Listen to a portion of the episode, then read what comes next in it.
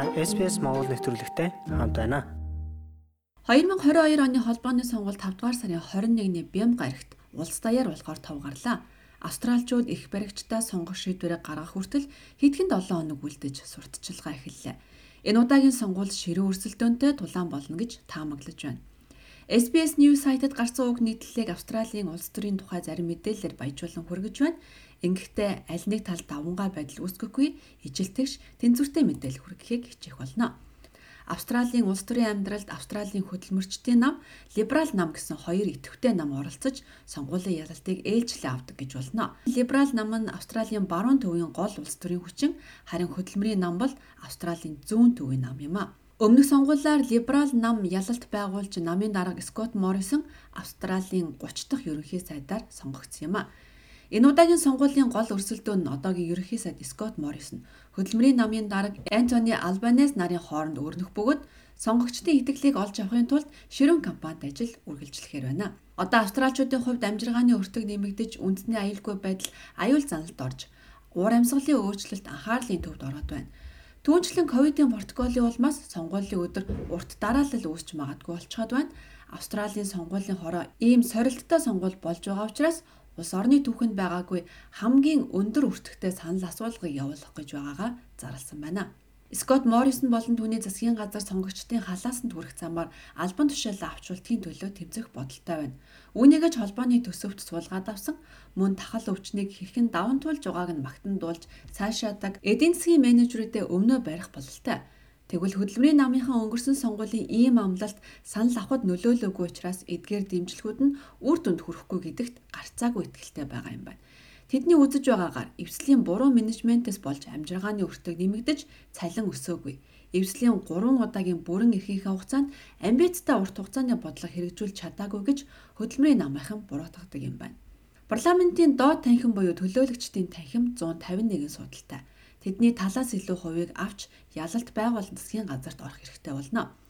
Энэ нь сонгуульд олонхын засгийн газар байгуулахын тулд хөдөлмөрийн нам дор хаяж нэмж 7 судал авах шаардлагатай гэсэн үг юм. Одоогийн бүрэлдэхүүний либералуудын 60 судал, үндэсний нам 16, хөдөлмөрийн нам 68 судалтай.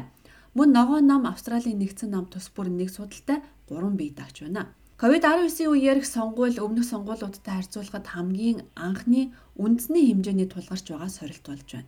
Тийм ч учраас энэ санал асуулгын хувьд түүхэн дэх хамгийн өндөр өртөгтэй болох бөгөөд 400 сая долларын үнэтэй байх тооцоо гарчээ. Энэ нь 2019 оныхоос даруй 100 сая доллараар илүү зардалтай гэсэн үг юм байна. Бас нэг дээд амжилт бол энэ жил 17 сая хүн сонгогчдын нэрсийн жагсаалтанд бүртгүүлсэн юм. Өмнөх сонгуульд 16 сая хүн бүртгүүлсэн байжээ. Мөн саналын хуудсыг 33 гаруй хэл дээр орчуулна нэмээд 13 уугуул хэл рүү орчуулахаар төлөвлөж байна. 34 мянган литр цэвэрлэгээний шингэн, 64 мянган литр гар ариутгах санитайзер, 4.6 ширхэг харандааг тэд бэлдэж байна. Сонгуулийг халдвар тараах супер зэг болгохгүй тулд янз бүрийн хувилбаруудыг хайж байна. Ингээнээс эхлээд стратеги хүртэлх бүхэл зүйл арай өөр байх болно гэж Австралийн сонгуулийн хорооны комиссар Том Рожерс SBS News-д ярьсан юм а. Цар тахлын дүрмээр бол австралчууд саналаа өгөхдөө өмнөхөөс илүү их цаг зарцуулахаар байгаа юм а. Австралчууд ойчрлохыг үзий яддаг. Бид эдгээр дарааллыг зохицуулахын тулд чадах чинээгээр хичээж байна гэж ноён Рожерс ярьсан юм. За тэгэхээр хүмүүс урдчлан эсвэл шуудангаар саналаа өгөхийг илүүд үзэж байна гэж тэд таамаглаж байгаа юм байна. Хэрвээ тэдний таамаг үнэн бол сонгуулийн дунд тодорхой гартал баггүй хугацаа зарцуулах болно. 13 хоног хүртэлж хүлээж магадгүй болох нэ. Төлөөлөгчдийн танхимын гишүүд дээд тал нь 3 жилийн хугацаатай сонгогддог. Гэхдээ сенатууд 6 жилийн хугацаатай сонгогддог бөгөөд энэ удаад ердөө тал хувь л сонгуулийн сорилттой тулгарх болно. Үнэн худал нь мэдэгдэхгүй янз бүрийн мэдээлэл альж улсын ямар ч чатны сонгуулийн үеэр явдаг. Санал хураах өдрөөс өмнө хуурамч мэдээллийн бүртгэл ажиллуулж сонгуулийн мэдээллийг төөрөгдүүлэх аюул занал хийж байгааг сонгуулийн хорооноос анхааруулжээ. Парламентын гишүүдийн эсрэг занал хийсэн тохиолдол гарсны учраас Австралийн холбооны цагдаагийн газар онлайн улс төрчдийн аюулгүй байдлыг хангах зорилготой тусгай ажлын хэсэг байгуулсан юм а. Хэцүү өрсөлдөөн шуудангийн саналын тоо холилдсон нь санал хураах өдрийн эцэс гэхэд үр дүн мэдэгдэхгүй байж магадгүй хүлээлт үүсгэсэн сонгуул болох нэ. SPS A World of Difference